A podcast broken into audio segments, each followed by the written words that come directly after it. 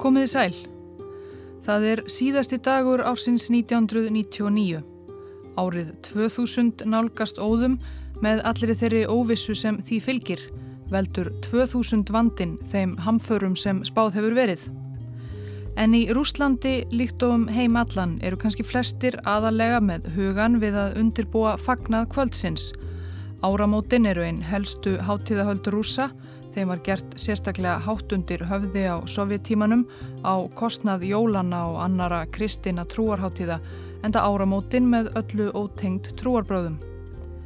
Á gamlárskvöld sapnast rúsneskar fjölskyldur jafnan saman fyrir framann sjónvarpið þegar líða tekur að miðnetti til að sjá og heyra klukkurnar í kremlarturnum ringja inn nýjárið. Þá var það um árabil vani leðtoga Sovjetríkjana að flytja þjóðsynni ávarp á síðustu mínútum ársins rétt fyrir miðnetti.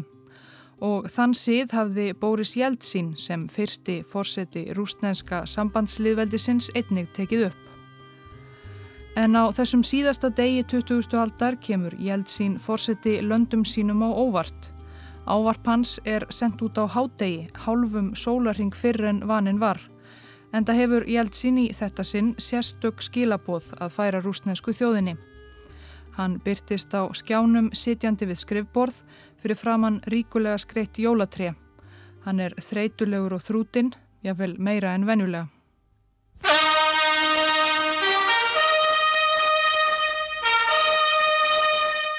Дорогие россияне, осталось совсем немного времени Ég vil byggja ykkur fyrirgefningar á því að margir draumar okkar rættust ekki. Að það sem virtist vera auðvelt reyndist vera hryllilega erfitt.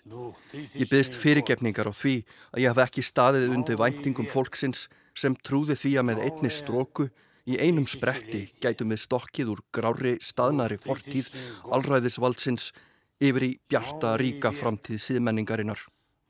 Ég trúði þessu sjálfur. Eitt stök var ekki nóg En ég vil að þið vitið, ég hef aldrei sagt þetta áður. Það er mikilvægt að ég segi það í dag. Ég finn sásauka hvers ykkar í hjarta mínu. Á þessari kveðjustund vil ég segja við ykkur öll, verið hamingjusum, þegar ég skilið hamingju og frið. Með þessu tilfinningaríka ávarpi kvatti Jeltsín þjóð sína en eflaust voru ekki svo margir áhorfendur harmi slegnir að sjá á bakonum. Eins og hann nefnir sjálfur í áarpinu hafðu rússar bundið miklar vonir við Jeltsín þegar hann varð fórseti rúsneska sambandsliðveldi sinns eftir fall Sovjetríkjana. Þeim væntingum hafði hann engan veginn staðið undir.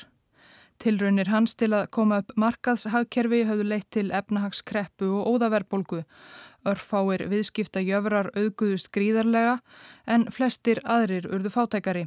Spilling grasseraði. Jeltsín sjálfur var vandraðalega drikkfældur og hjartveikur. Með stuðningi auðjöfrana vina sinna tókst honum að tryggja sér annað kjörtímabil 1996 en hann varð sífelt óvinnsætli. Þegar þarna var komið var áætlað að aðeins um 2% rúsa veru ánæð með Jeltsín. Eftir að Jeltsín hafði lokið máli sínu heldu flestir rússar öruglega ótröðir áfram með undirbúning nýjársháttíðahaldana, elduðu matinn og opnuðu vínflöskunnar og kveiktu svo sennilega aftur á sjónvarpinu þegar fór að líða að meðnetti. Því þá var vissulega komið að hinnu hefbundna ávarpi fórsetta Rúslands nema í þetta skiptið var það starfandi fórseti sem ávarpaði rúsnesku þjóðina maðurinn sem hafi tekið við af Jeltsin fyrir minna en hálfum sólaring.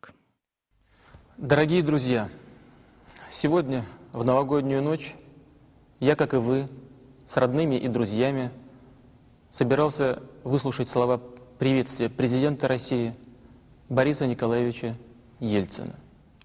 Það var Vladimir nokkur Putin sem tók til máls. Hann talaði aðeins í örfáar mínútur og sagði ekki margt að Jeltsin hefði sagt af sér og hann hefði tekið við að öðru leiti gengi allt sinn vana gangi í rúsnesku stjórnkerfi og samfélagi. Ekkert væri að óttast. Jeltsin hafði skipað Putin þennan forsættisráð þeirra fyrir aðeins fjórum mánuðum og nú var hann orðin forsætti. Hann var rúsum og öllum öðrum sömuleiðis að mestu óskrifað blað. Í ákveðnum skilningi var það einmitt þess vegna sem hann komst í þessa stöðu. Kæri hlustandi, Í þessum þætti í ljósi sögunar ætlum við að fjalla um æsku og æfi Vladimirs Pútins áður en hann settist á fórsetastól og rifja upp nokkur afdrifarík augnablík í æfi hans.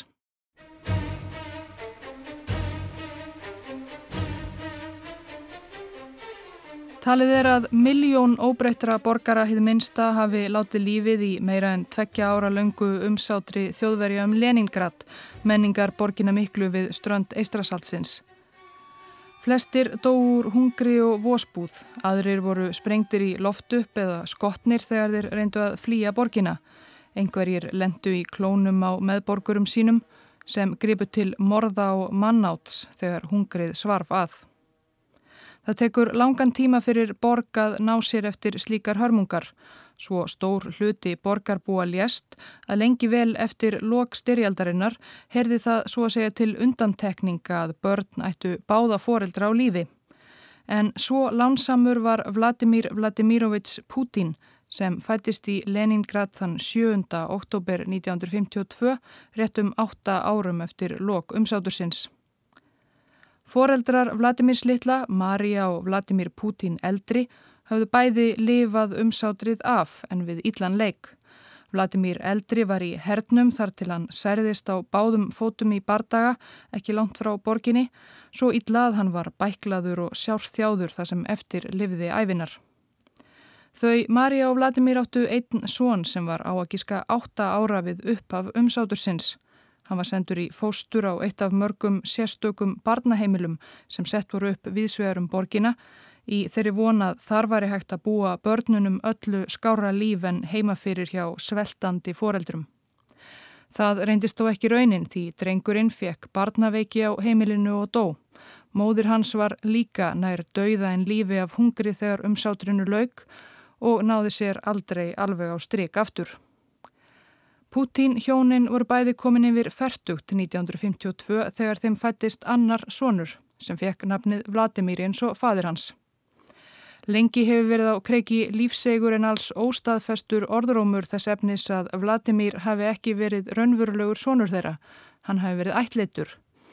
Þegar Pútín varð fórseti byrtist á rúsneskum fjölmeila himni kona frá Georgiu sem hjælti fram að hún væri blóðmóður hans Hún hefði gefið hann til ættleiðingar nýju ára gamlan.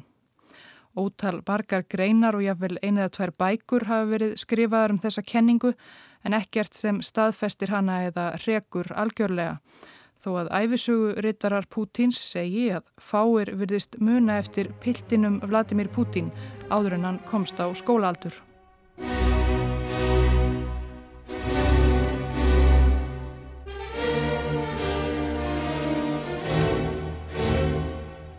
Vladimir Putin átti af flestu að dæma ágæta æsku þrátt fyrir að foreldrar hans veru komnir til ára sinna, ítla leiknir eftir umsátrið og ekki sérlega vel stæðir. Vladimir eldri vann í verksmiðju við smíði lestarvagna og Marja við Ímis tilfallandi störf í bakaríi sem næturvörður og ræstingakona. Þau byggu í gömlu húsi þar sem eitt sinn höfðu verið stórar og rúmgóðar heldrimanna íbúðir en var nú búið að skipta hverri íbúð upp í margar litlar kitrur þar sem ekki var mikið um munað. Skömmu eftir að Pútín varð fórseti kom út í Rúslandi bókin í fyrstu personu. Það er viðtalsbók þar sem bladamenn ræða við nýja fórsetan um æsku hans og æfi til þessa sem og fólkonum tengt, eigin konuna Ljútmílu, vini Pútíns og fleiri. Gömul kennslukona Pútins, Vera Dimitrevna Gúrevits, segir svo frá heimkinnum Vladimirs litla á fyrstu árum æfinar. Íbúðum þeirra var hryllileg. Þetta var sambíli á nokkura þæginda. Það var ekkert heitt vatn og ekkert baðkar. Klósetti var ógeðslegt og það var alveg upp við stigapallin.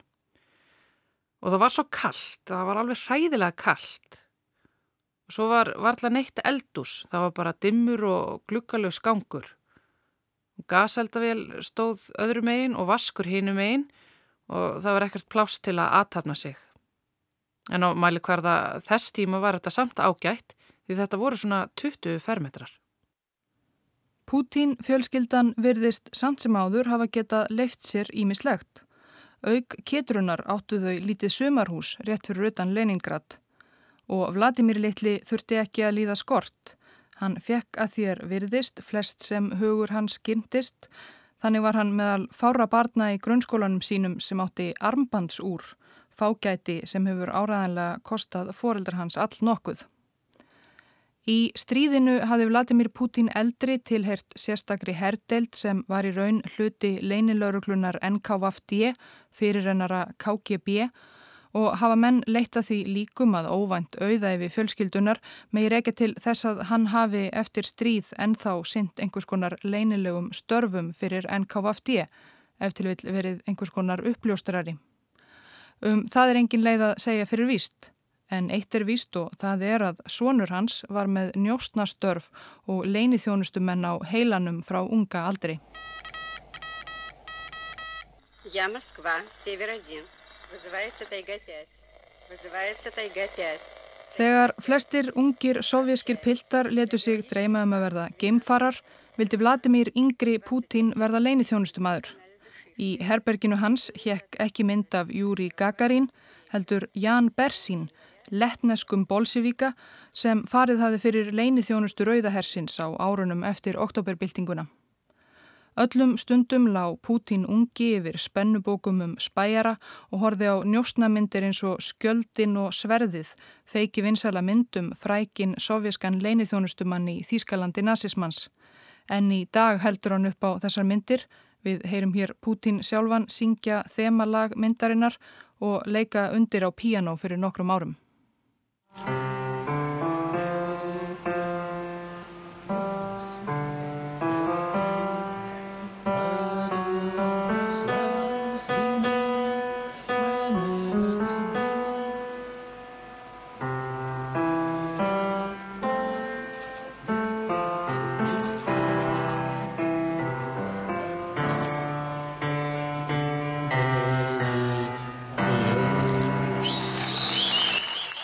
Unga aldri rýri Pútina því öllum árum að verða leinilöka eins og hetjur hans á kvítatjaldinu. Þó ekki væri hann mikill námshestur, tók hann þýsku sem aukafag í skóla því draumurinn var að njóstna í Þýskalandi rétt eins og söguhetja skjaldarins og sverðsins. Pútín var nokkuð ódæll piltur og sífælt að lenda í slagsmálum.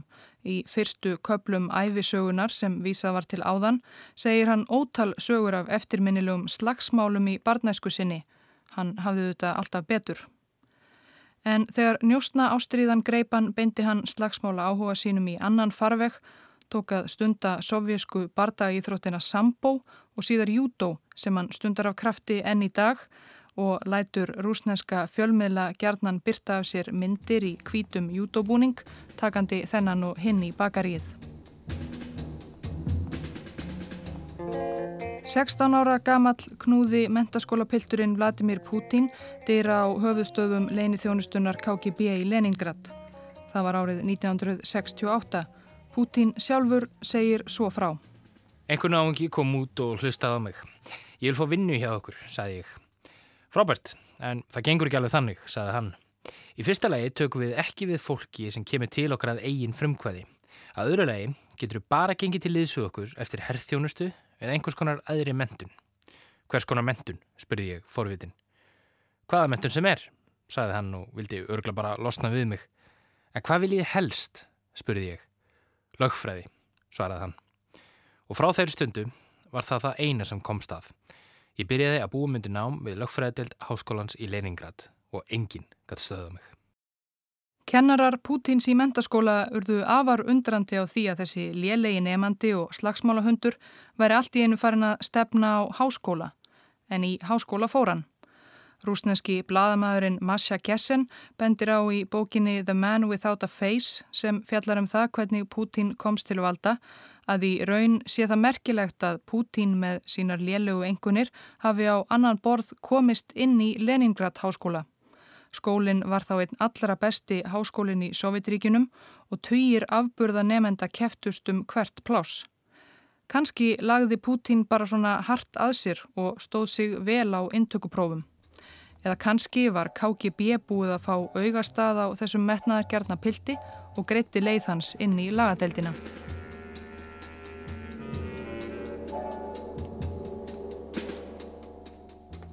Það fór ekki mikið fyrir Pútín í háskólanum. Hann stundaði námið vel og í frístundum æfði hann jútó og kerði um götur Leningrad á bilnum sínum. Pútín var að öllum líkindum einn af fáum nefendum Leningrad háskóla, ef ekki sá eini, sem átti bíl á þessum tíma. Bifreiða eign var enn sjálfgef meðal sovjasks almennings í upphafi áttunda áratugar. Foreldrar Pútín sögðu unnið farartækið, smá bíl af gerðinni Saporosets í Lottói. Hefðu þau seltað, hefði það eflaust nægt gömlu hjónunum til að flytja í betri og nýri íbúð. Þau byggu enni sömu ömurlegu kiturunni en svo elskuðu þau enga svonsinn að þau gáfu honum bílinn. Á sumrin vann Pútin í byggingavinnu nýrst í Rúslandi. Það var vel borguð erfiðisvinna. Flestir fjölskylduræknir ungir sovjískir menn hefðu gefið fátækum foreldrum sínum launin, allavega hluta þeirra. Það var einfallega venjan á þessum tíma. Vladimir Putin mun þó hafa eitt sínum launaseðlum jafn harðan í fött og drikkjuferðir með félögum sínum að sólríkum ströndum Svartahafsins.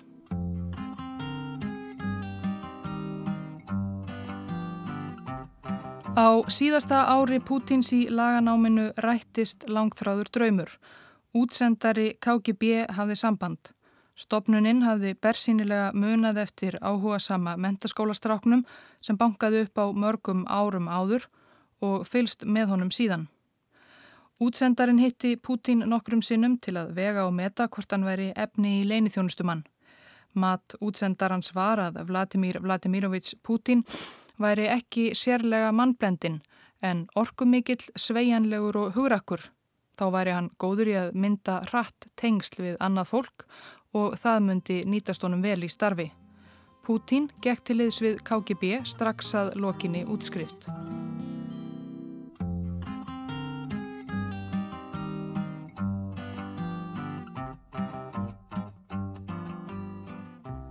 Eins og fyrr segir var æðsti draumur Pútins alltaf að verða sendur til útlanda, til vestur Þískalands. Til þess var leikurinn gerður, þess vegna hafði hann lagt stund á Þískunám árum saman en slíkt verkefni fekk ekki hvaða grænjagsl sem er. Mörg ár liðu frá því að Pútín gekk til liðs við KGB þar til hann fekk þennan draum uppfylltan. Á meðan syndi hann sitt á hvað óspennandi skrifstofuvinnu í höfustöðum KGB í Leningrad eða var í þjálfunarbúðum í Moskvu. Þegar Loks kom að því að Pútín var sendur út varðan fyrir vonbreyðum. Það varð ekki vestur Berlín eða Bonn, heldur Dresden frekar ómerkileg yðnaðarborg í austur Þískalandi, landi sem var svo nátengt Sovjetiríkinum að það gatt einlega varla talist alvöru útlönd. En þangað flutti Pútín árið 1985, tíu árum eftir að hann gekk til liðs við KGB. Hann var þá búin að koma sér upp fjölskyldu. Hann hafi kynst flugfreyju frá Kaliningrad sem var í borgarferð með vinkonu sinni. Það var engin ástvið fyrstu sín eins og flugfræjan Ljútmíla lýsir í bókinni í fyrstu personu. Vladimir stóði í trappunum við miðasöluna. Hann var klættur mjög látlust. Ég get jafnvel sagt að hann hafi verið illa klættur. Hann var mjög lítið aðlandi. Ég hefði aldrei tekið eftir honum á götunni. En Pútín tókst að heitla Ljútmílu með því að bjóða henni í leikús þrjú kvöld í röð. Það var auðvelt fyrir KGB mann að retta eftirsóttum leikúsmiðum. Þremur árum síðar voru þau orðin hjón og þegar leiðin lág til Dresden áttu þau einsás gamla dóttur, Marju, og önnur dóttur á leiðinni sem fættist í Þýskalandi og fekk nafnið Jekaterina.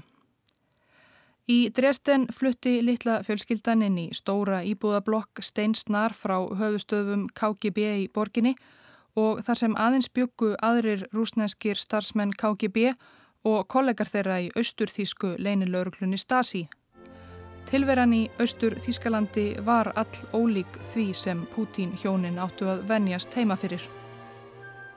Lífið í austur Þískalandi var auðvitað frábriðu lífinu í Rúslandi. Göturna voru hreinar. Þjóðverjarnir þrifu glukkana einu sinni í viku.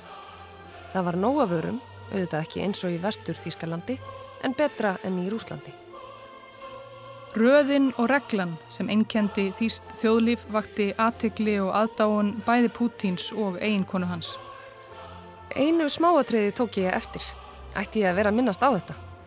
Á mornana fyrir vinnu um klukkan sjö hengdu þýskar konur upp þvottin í bakarinn. Hver húsmóðir strengdi reypi á milli hjártstanga og hengdi upp þvottin í mjög skipulugum röðum. Þær voru allar eins. Vladimir tók lífstíl austur þjóðverja fagnandi. Hann gerðist áhuga maður um þýska bjórmenningu að eigin sögn drakkan 3,8 lítra bjór á viku. Hann hætti í júdóinu og bætti á sig meira en 10 kílóum á skömmum tíma. Hann var líka sérstaklega áhuga samur um allt sem var nýtt og flott og það sem mestumáli skipti vestrænt.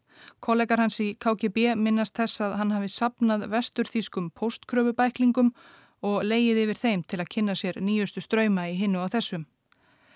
Eitt af verkefnum Pútins voru samskipti við liðsmenn vesturþýsku hriðuverkasamtakana Rote Arme Faksjón, það voru leifar Bader Meinhof samtakana, sem af og til komu til Dresden í æfingabúðir hjá KGB. Þá höfðu þeir gerðnan með sér gjafir til KGB-mannana og Pútín tók olmur á móti því nýjasta í vesturþýskri tækni, grundík, stuttbylgu útvörpum og blápunktgræjum í bílinn og svo framvegis. Tilveran í Austurþýskalandi var þó aldrei alveg eins glæst og Pútín hafi gert sér í hugalund. Fyrir það fyrsta fekk hann ekki sérstaklega vel borgað. Stjórn KGB þótti Austur Þískaland varðla teljast sem alvöru útlönd og því fengu starfsmennir þar ekki jafn mikið borgað og þeir sem voru sendir til Vesturlanda. Ljútmílu og Vladimir duldist ekki að nágrannar þeirra í Stasi og fjölskyldur þeirra byggu miklu betur en þau kerðu og hafðu greinilega meiri peninga millir handana. Þetta var heldur ekki mjög spennandi líf. Pútín var vissulega komin til útlanda en þetta var enguða síður frekar ómerkileg vinna sem hann syndi, aðalega skrifstofustörf. Hann átti meðal annars að reyna að hafa uppi á námsmönnum í Dresden sem gætu hugsanlega átti í einhverjum samskiptum við vestrið og fá þá á band KGB. Ekki eru neinar heimildir um að það hafi nokkuð tíman gengið sérstaklega vel eða að störf Pútins hafi almennt skipt miklu máli. Þá tók hann líka þátt í að skipulegja tíðar veislur til að halda upp á hérna eilífu vináttu Sovjetiríkjana og Östur Þískalands.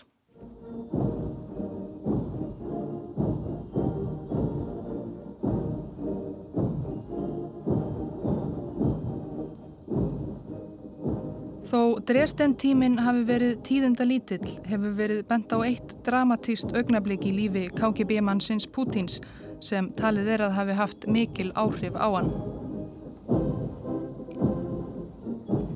Þann 7. oktober 1989 varð Vladimir Putin 37 ára gamall og Þíska alþjóðulíðveldið helt sömuleiðis upp á færtugsamæli sitt með pompi og prakt. En austur Þíska kommunistastjórnin var að missa tökin á valdatömanum. Það fór ekki fram hjá íbúum Dresden. Fyrrum haustið höfðu mörg hundruð austurþískir flótamenn komið sér fyrir í vesturþíska sendiræðunni í Prag og neituðu að hreyfa sig, fengu þeir ekki að fara vestur yfir. Loks var þeim leift að fara í gegn í kyrfilega lokuðum lestum. Í Dresden sapnaðist fólk saman á aðalestarstöðinni þegar flótamanna lestirnar fóru í gegn og reyndu að brjóta sér leiðum borð. Öryggisveitir börðu andofið niður af hörku.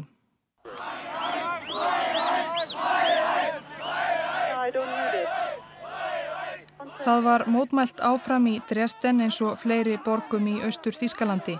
Fleiri og fleiri tóku þátti í hvert sinn. Í byrjun november fjall Berlínarmúrin og mótmælendum ógs ásmegin. Þann 5. desember 1989 sapnaðist fólk saman fyrir utan höfustöðvar Stasi í Berlín. Spurst hafði út að þar innan dýra væri verið að farga skjölum um starfsemi leinilauruklunar eftirlit með borgurum og ofsóknir. Annar staðar í Austurþískalandi gerði fólk slikt þið sama meðal annars í Dresden. Þar fyldist Vladimir Putin með öllu sem framfór. Ég skildiði vel mótmælenduna. Þau voru þreytt á því að Stasi fyldist með þeim. Sérstaklega þar sem eftirlitið var svo mikið. Þeim fannst Stasi vera skrýmsli. En Stasi var líka hluti af samfélaginu, síkt af sömu sjúkdómum og samfélagið. Það vann þar alls konar fólk, en þeir sem ég þekkti voru ágættismenn. Ég var vinur margra þeirra og mér finnst ekki rétt hvernig er verið að gaggrína þau núna. Jújú, jú, örugla voru einhverjir sem ofsóttu fólk, en ég sá það ekki. Ég segi ekki að það hefði ekki gerst, en ég sá það ekki persónlega. Þegar mannfjöldin hafði ráðist inn í byggingu Stasi helt hópur fólks yfir götuna þar sem höfustöfar KGB í borginni stóðu. Þar innan dýra voru menn líka í óða önnað eigða viðkvæmum skjölum, Pútín sjálfur þar á meðal. Við eitum öllu, öllum samskiptum okkar og tengileðristum. Ég brendi sjálfur rosalegt magn skjala. Við brendum skjöl nótt og dag. Svo mikið magnað miðstöðarófnin sprakk. En að því er segir ennfremur í æfisögu Pútins leist honum ekki á blikuna þegar mannfjöldin færðist nær og nær skrifstofum þeirra.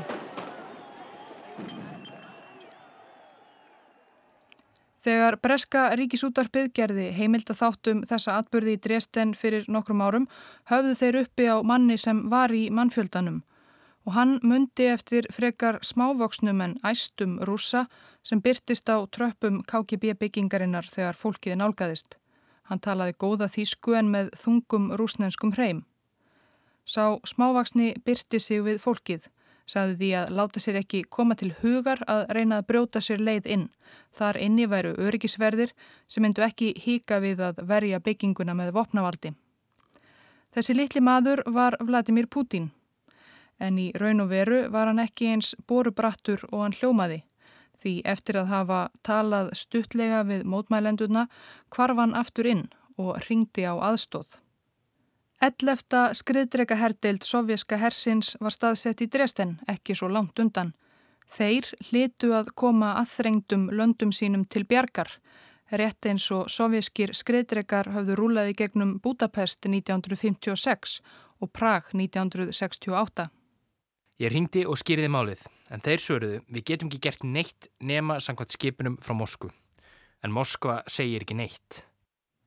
Pútín og kollegar hans í Dresden stóðu bersýnilega einir og yfirgefnir frammi fyrir reyðum mannfjöldanum. Vonbregði Pútíns með móðurlandið voru af öllu að dæma gríðarleg. Moskva segir ekki neitt. Ég fekk á tilfinninguna að þá væri Sovjetríkin ekki til lengur, að þau hefðu horfið. Það var greinilegt að ríkið var orðið veikburða. Það var haldið ólæknandi sjúkdómi. Á endanum þurfti Pútín ekki að hafa áhyggjur. Mannfjöldin kvarf frá KGB byggingunni og rúsarnir gáttu haldið áfram að brenna sannanir um starfsemi sína og á reytir. En þetta var byrjunin á endalokunum. Brátt var sameining Þískalandana tveggja orðin óhjákvæmileg og Sovjetiríkin að missa tökin á austurlutanum. Boris Rætsjúster, einn helsti Pútín sérfræðingur Þískalands, segir að þetta desemberkvöld og síðustu dagar Pútíns í Dresden fel í sér likilinn að því að skilja feril hans og ákvarðanir síðan. Þarna hafi Pútín séð með eigin augum hversu brotætt valdið geti verið og hversu auðveldlega alþýðjan geti steift valdamönnum haldi þeir ekki fast um taumana. Því kunni hann því sérlega illa að sjá fólk sína andofa á götumúti, hvort sem það er í Moskvu eða Kænugarði. Rætsjúster segir að Pútín hafi einnig hrifist af mörgu í austurþíska kerfinu, eins og því að þar væru margir stjórnmálaflokkar þó að allir væru þeir í raun undir stjórn kommunistastjórnarinnar. Slíkt kerfi hafi hann sem fórseti reyndað endurskapa í Rúslandi.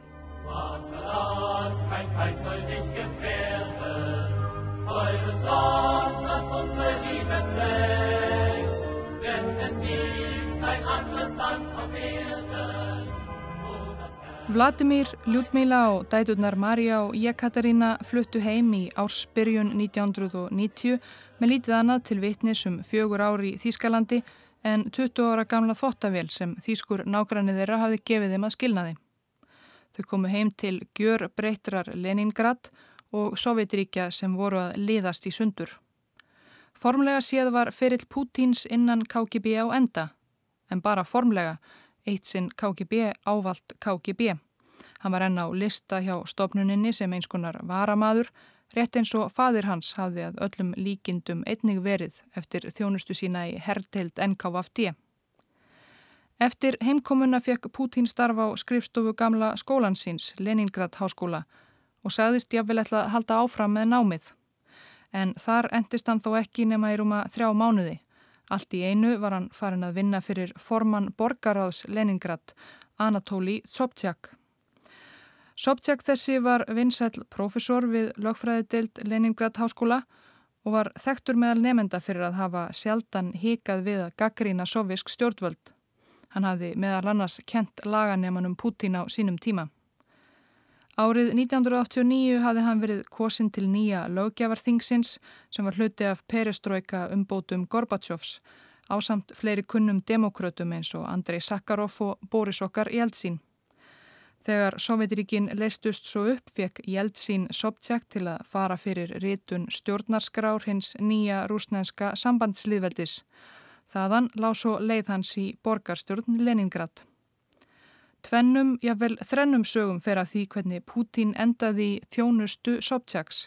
Þeir þekktust vissulega ár háskólanum en var það Sobchak sem rendi hýru auga til KGB reynslu Pútins og tengiliða og réðan til sín eða var það kannski KGB sem beindi Pútín til Sobchaks til að verða þeirra maður í borgaráðinu. Því þó að Rúsland færðist í líðræðisátt var KGB ekki tilbúið að sleppa takinu. Stopnuninn fyldist náið með helstu líðræði sinnuðu pólitíkusum, hleraði símana þeirra og síma ættinga þeirra, vina, hárskera og svo framvegis. En hvernig sem stóð á því tók Sobchak Putin undir vangsinn. 1990, þegar Sobchak varð æðsti embætismæður borgarinnar og síðar borgarstjóri, Þá gerði hann Pútín að sínum nánasta aðstóðamanni og í reynd aðstóðar borgarstjóra í Santi Pétursborg en svo hétt borgin eftir að hann fekk aftur sitt gamla nafn. Þetta voru róstusamir tímar en það var líka spenna í lofti og nóg af tækifærum. Einmitt á þessum árum voru Björgólfs feðgar til dæmis að hasla sér völl í Pétursborg og í borgarkerfinu var Vladimir Pútín á stöðugri uppleið.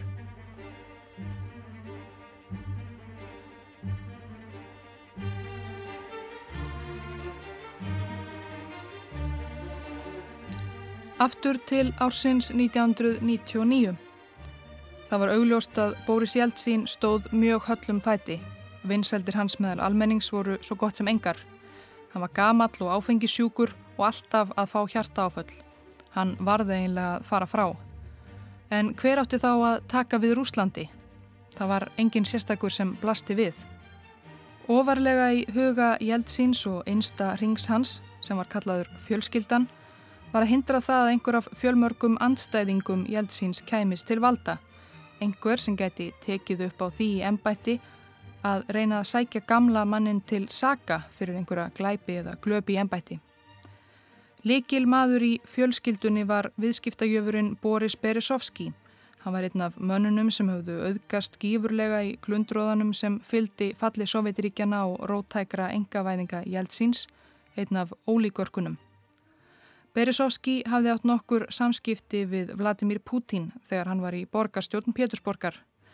Að er framkemur í bók bladamannsins Massa Gessen, The Man Without a Face, mundi hann alltaf eftir Putin því hann hafði einhverju sinni neitað að taka við mútum, nokkuð sem var á þessum ólgu tímum nestum óheirt meðal embættis og stjórnmálamanna í hennu nýja Rúslandi.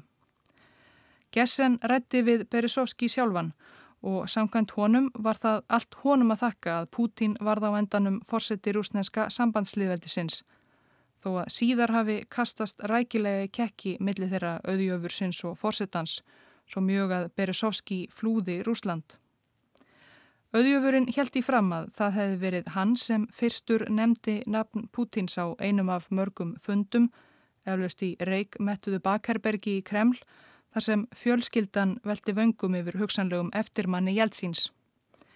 Pútín hafði flutt til Moskvu eftir að Sobchak leta af embætti í Pétursborg 1996 og þessi lúsiðni embættismadur hafði risið hratt í rúsneska stjórnkerfinu.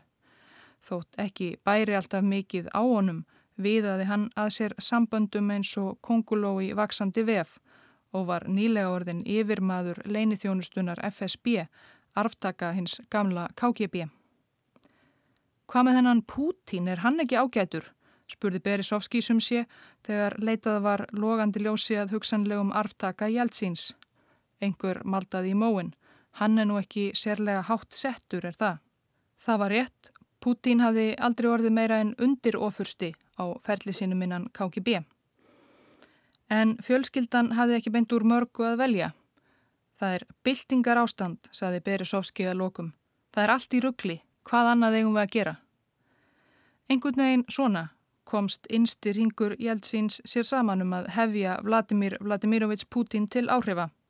Beresovski var sendur á stað og hann taldi Putin á að taka að sér þetta krefjandi verkefni og það 9. ágúst 1999 útnemdi Boris Jeltsin Vladimir Putin forsætisráð þeirra Rúslands.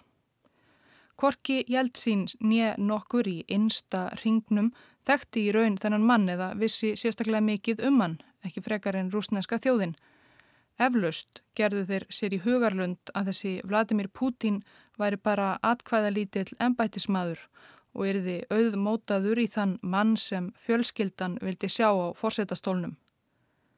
Þar auðvita reyndust þeir hafa nokkurnu einn eins ránt fyrir sér og hugsast getur. Vladimir Putin var engin aukvisi sem létt stjórnast af auðjöfrum. Hann ætlaði sér að láta til sín taka og átti svo sannarlega eftir að gera það. Начинается Родина. С картинки в твоем букваре С хороших и верных товарищей Живущих в соседнем дворе. А может, она начинается С той песни, что пела нам мать, С того, что в любых испытаниях У нас никому не отнять. С чего начинается Родина? С заветной скамьи у ворот с той самой березки, что в ополе Под ветром склоняясь растет. А может, она начинается С весенней запевки скворца И с этой дороги проселочной, Которой не видно конца.